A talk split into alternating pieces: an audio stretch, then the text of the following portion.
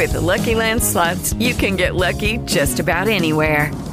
This is your captain speaking. Uh, we've got clear runway and the weather's fine, but we're just going to circle up here a while and uh, get lucky. No, no, nothing like that. It's just these cash prizes add up quick. So I suggest you sit back, keep your tray table upright, and start getting lucky. Play for free at LuckyLandSlots.com. Are you feeling lucky? No purchase necessary. Void where prohibited by law. 18 plus terms and conditions apply. See website for details. With Lucky Land slots, you can get lucky just about anywhere. Dearly beloved, we are gathered here today to. Has anyone seen the bride and groom? Sorry, sorry, we're here. We were getting lucky in the limo and we lost track of time. No, Lucky Land Casino, with cash prizes that add up quicker than a guest registry. In that case, I pronounce you lucky. Play for free at LuckyLandSlots.com. Daily bonuses are waiting. No purchase necessary. Void where prohibited by law. 18 plus. Terms and conditions apply. See website for details. Daha fazla hikayeye ulaşmak için Cem'den Dinle YouTube kanalını takip edin. Keyifli etkinlikler, paylaşımlar ve podcast bölümlerinin etkileşimleri için Cem'den Dinle Instagram hesabını takip etmeyi unutmayın.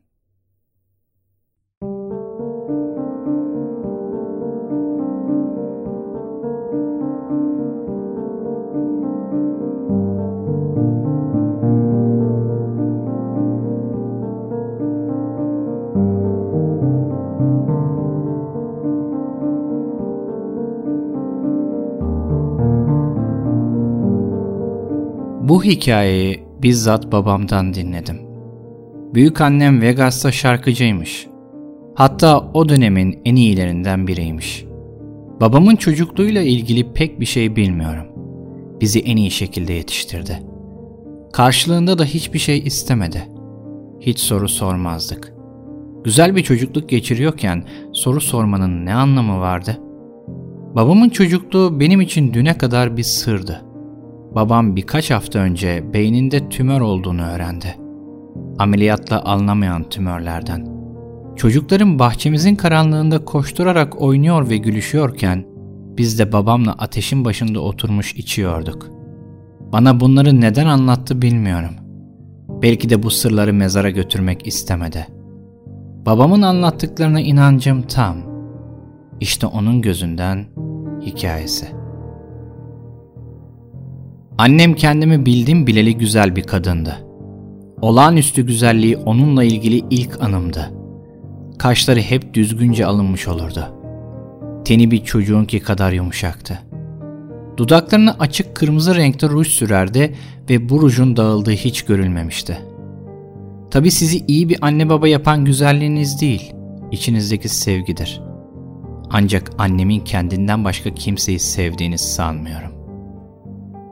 Açık söylemek gerekirse kız kardeşim Tera ve ben onun öz çocukları değildik. Annemin kardeşi çok genç yaşta ikizlere doğum yapmış. Ameliyatta yapılan bir hatadan dolayı doğumdan kısa bir süre sonra ölmüş. Annemin bizi kanatları altına almaktan başka çaresi yokmuş. Ancak bunu pek de istememiş. Bizi evlat edinirse hastaneyi bir tanecik kardeşine yapılan hatadan dolayı dava edip tazminat alacağını biliyormuş.'' O paraya ihtiyacı varmış gibi görünmüş. Ama sanırım gerçekten de ihtiyacı varmış. Davayı kazanmış elbette. Bu olaydan sonra benim dünyaya gelişimin ilk yıllarında annem nereye gitse talihsiz bir durumla karşılaşmış. İş bulmak zormuş. Hızlı yaşlandığını biliyor ve bundan nefret ediyormuş. Çaresizliği arttıkça her şey daha da kötüye gidiyormuş. Sonra bir gün ben 9 yaşlarındayken her şey aniden düzeldi. Annem mutluydu. Her zamankinden daha güzel görünüyordu. Artık harika bir evimiz vardı. Gösterişli bir merdiveni ve ihtiyacımızdan fazla odası olan 3 katlı bir evdi. Annem ünlü bir kumarhanede tam zamanlı işe girmişti. Sahnede şarkı söylüyordu. Bu şimdilerde çok da önemli bir şey olmayabilir. Ancak annem o zamanlar gerçek bir yıldız gibiydi. Sürekli parti veriliyordu. O zamanların, o muhitin en bilinen isimleri bizim evimize geliyordu. Çocukluğumuz harika geçmiş gibi geliyor kulağa ama aslında öyle değildi. Kapalı kapılar ardında kimsenin iç yüzünü araştırmadığı olaylar dönüyordu. Annem millete iyi bir anne olduğunu göstermek için numara yaptığı vakitler hariç bize hiç şefkat göstermedi. Bize baktığında gözlerinden sevgi okunmuyordu. Nefret de, hüzün de okunmuyordu. Sadece boşluk vardı. Biz oradaydık ve bize yalnızca ayak altında dolaştığımız anlarda gerçekten ilgi gösteriyordu. Yemek almak, banyo yapmak ve dışarıda oynamak haricinde odadan çıkmamız yasaktı. Eğitimimizle dadımız ilgileniyordu. Gençliğimin son yıllarına kadar okula hiç ayak basmadım. Girmemizin bütünüyle yasak olduğu odalar vardı. Bir de tavan arası vardı. Oranın yanından bile geçmemize izin verilmezdi. Şimdi düşününce bizi oradan uzak tutması için iyi bir sebebi vardı. Eve taşındıktan bir yıl sonra başladı her şey. Kahkahalar. Benzerini hiç duymadığım karanlık, kötü kahkahalar. Gecenin bir yarısı başlar, tan yeri ağrana kadar devam ederdi. Aslında çok sesli değildi bu kahkahalar ama tam kulağınızın dibinde duyardınız. Bundan anneme bahsetmek faydasızdı. Dadımız da duyardı ama çoktan annemin tarafını seçmişti. Ben öyle düşünüyordum en azından. Size para verene karşı gelemezsiniz sonuçta. Bazen işkence gibi gelen bu sesleri duymazdan gelmek neredeyse imkansızdı. Ama zamanla başa çıkmayı öğreniyordunuz işte. Sonra bir gün oradan bir şey gelmeye başladı. Sadece geceleri annem uyurken gelirdi. İlk gördüğümde muhtemelen 10-11 yaşlarındaydım. Gecenin bir vakti koridorun diğer ucundaki tuvalete gitmek için kalkmıştım. Aynı koridorun sonunda tavan arasının kapısı açıktı. Bu kapının açıldığı tek bir gün olmamıştı. Hep kilitliydi. O akşam ise ilk defa açıktı. Ve bir şey kapının tam ortasında, koridordaki ışığın kısmen altında öylece duruyordu. Işığa rağmen kapkaranlıktı. Gece kadar karanlık. Ölüm kadar karanlık. Beyaz gözleri yüzünü kaplıyordu. Çok büyük, birbirlerinden çok uzaklardı. Yüzünde başka hiçbir şey yoktu. Yalnızca o beyaz, kocaman gözler. Bana bakıyorlardı. Ama hiçbir şey görmüyorlardı.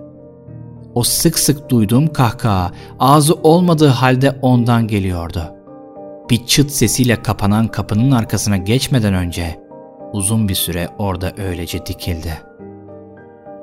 Anneme anlattım. Dadıma anlattım. Tera'ya da anlattım. Partilerde tanımadığım insanlara bile anlattım. Kimse dinlemedi. Bu olay da böyle devam etti. O şey beni tahminimden çok daha uzun bir süre rahatsız etti. Geceleri evde gezinirdi. Bazı geceler kapı aralığında dikilir ve etrafa bakınırdı. Diğer gecelerse yatağımın başında durur, o korkunç gözleriyle beni izlerdi. Kesilmiş süt kokan iğrenç, uzun tırnaklarıyla yüzümü okşardı. Buna alışmayı, aldırış etmemeyi öğrenmeniz mümkün değildi. 12 yaşıma girdiğim zamanlarda annemin işleri bozulmaya başladı. Geriden gelen faturalarımız vardı. Sonra annem hamile olduğunu öğrendi ve işini tamamen kaybetti. Mahvolmuştu. Küçükken ağladığını gördüğüm zamanlar olmuştu ama durumumuz iyiyken hiç böyle görmemiştim onu. Sürekli ağlıyordu. Annemin kürtaj olmak istediğine dadımla konuşurken kulak misafir olmuştum. Birkaç gece sonra da tavan arasına çıktığını duydum. Bundan önce yalnızca bir kez oraya gittiğini görmüştüm. O da partiden genç bir kadınlaydı. Yüzünde daha rahatlamış bir ifadeyle indi aşağı. Ertesi gün hamileliğini sonlandırmayacağını söyledi bize. Faturalar ödendi. Annem evde kalmaya karar verdi. Dadımız onun için her şeyi yapıyordu. Annem doğumu bile evde yapmıştı. Küçük bir kız doğdu. Doğdu ve gitti. Annem tüm arkadaşlarına bebeğini kuzeyli bir aileye evlatlık verdiğini söylemişti. Ama işin aslını ben biliyordum. Doğduğu gece ağlayan bebeği tavan arasına çıkarmıştı. Ağlamasını duydum. Çığlıklarını. Sonra sessizliği ve ardından o kahkahayı. Annem daha iyi bir kumarhanede iş buldu. Her şey yolunda gibi gözüküyordu. Çalışıyordu. Partilere ara vermişti. Kahkaha atan yaratık yerinden çıkmıyordu. Bu söylediğim çok bencilce olacak ama annemin yaptığı şeyden memnundum. Tekrar uyuyabilecektim. Tekrar yemek yiyebilecektim. Yıllar sonra ilk defa iyi hissediyordum. Sonra o geri döndü. Bu kez daha beterdi. Artık yalnızca dikilmekle kalmıyor, konuşuyordu da. Olmayan ağzıyla konuşuyordu.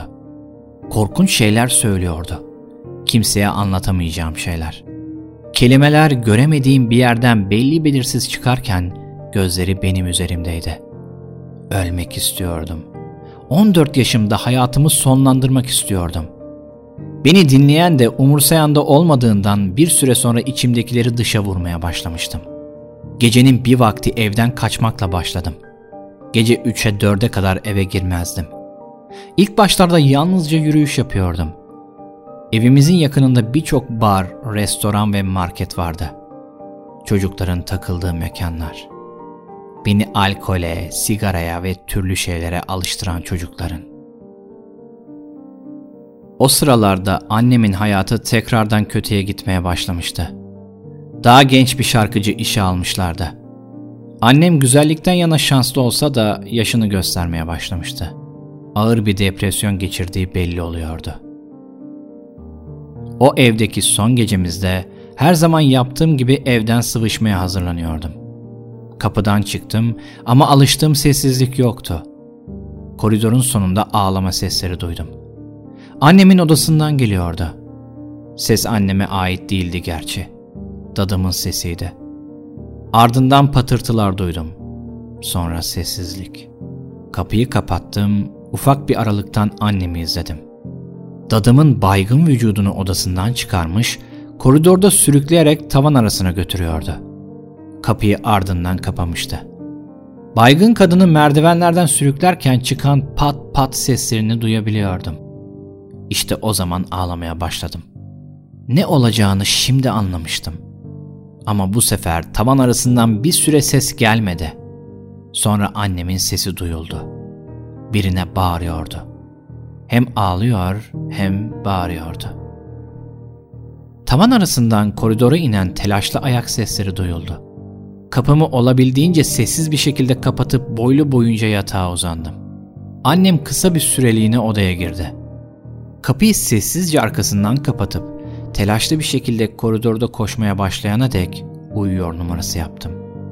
Bir süre sessizlik olmasına rağmen yerimden kalkmaya cesaret edemedim. Bu sefer tavan arasından bir ses gelmiyordu. Bir şeyler ters gitti diye düşündüm. Sonra yanık kokusu aldım. Gecenin geri kalanı çok hızlı geçti. Tüm koridor yanıyordu. Tavan arasının kapısı sonuna kadar açıktı ve o şey kapı aralığında dikiliyordu. Etraf alevlerin parlak ışığıyla aydınlandığı halde o simsiyahtı ve yüzünde hiçbir ifade yoktu. Yaratığın içinden korkunç, insan dışı bir çığlık duyuldu. Çığlık atarken beni işaret ediyordu. Beni kovalamaya niyeti olup olmadığını anlayamadan koşmaya başlamıştım. Annemin odasına baktım ama çoktan gitmişti. Cibinliğiyle birlikte tüm yatağını alevler sarmıştı. Tera'nın odasına doğru koştum ve onu uyandırdım. Koridorun diğer ucu daha beter bir şekilde yandığından o taraftaki merdivenleri kullanmadık ve Tera'nın odasındaki pencereden aşağıya inmeye çalıştık. Annem o gece tutuklandı. Yalnızca kundakçılıkla suçlandı. Tavan arasındaki üç cesedin yangında kül olduğunu düşündüler. Fakat öyle değildi aslında. Kimse annemin yaptığına inanmazdı. Bir kadındı sonuçta. Güzel bir kadındı. Bir yangın başlatacak kadar alık olduğunu düşündüler sadece. İnanabiliyor musun? Onu serbest bıraktılar. Ancak birkaç ay sonra aniden öldü. Öylece yok oldu. Bugün bile doktorların bu olayı açıklayabileceklerini sanmıyorum. Ama yetersizliklerini belli etmemek için eminim ki bir isim takarlardı. Bir açıklama yoktu. Annem o yaratığı öldürdüğünde onunla birlikte yok oldu. O şeyin öldüğünü bilmeme rağmen geceleri uyandığımda hala onu başımın ucunda bekler görüyorum. O kocaman, pörtlek ve beyaz gözler beni izliyor. Hiçlikten gelen bir kahkahayla. Babama ölmekten korkup korkmadığını sordum. Ah, hayır. Ölmekten korkmuyorum. Diğer tarafta beni bekleyen şeylerden korkuyorum.